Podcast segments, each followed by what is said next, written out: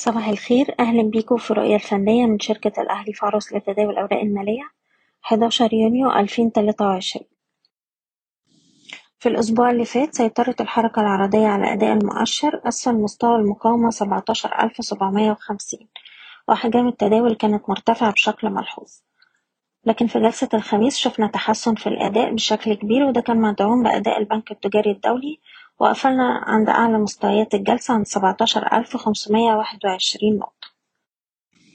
في نفس الوقت طول ما المؤشر محافظ على منطقة الدعم اللي ما بين سبعتاشر ألف ومتين وسبعتاشر ألف نقطة هتظل فرص استمرار محاولات الارتداد قائمة وإعادة التجربة على منطقة المقاومة عند سبعتاشر ألف سبعمية وخمسين.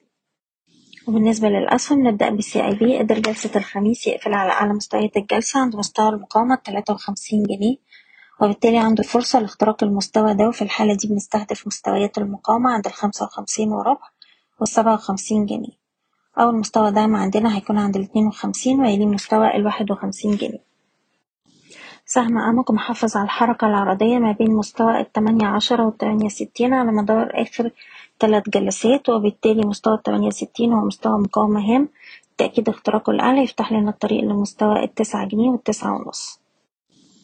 سهم السويدي قدر يحافظ على منطقة الدعم ما بين تمنتاشر وسبعتاشر جنيه وتمانين قرش خلال الأسبوع اللي فات وبالتالي طول ما إحنا فوق المنطقة دي عنده فرصة يجرب على مستويات المقاومة عند تسعتاشر عشرة وتسعتاشر جنيه وتسعين قرش سهم e-finance مازال بيستهدف مستويات التمنتاشر ونص والتسعتاشر ونص وده طول ما إحنا محافظين على مستوى الدعم السبعتاشر جنيه ونص.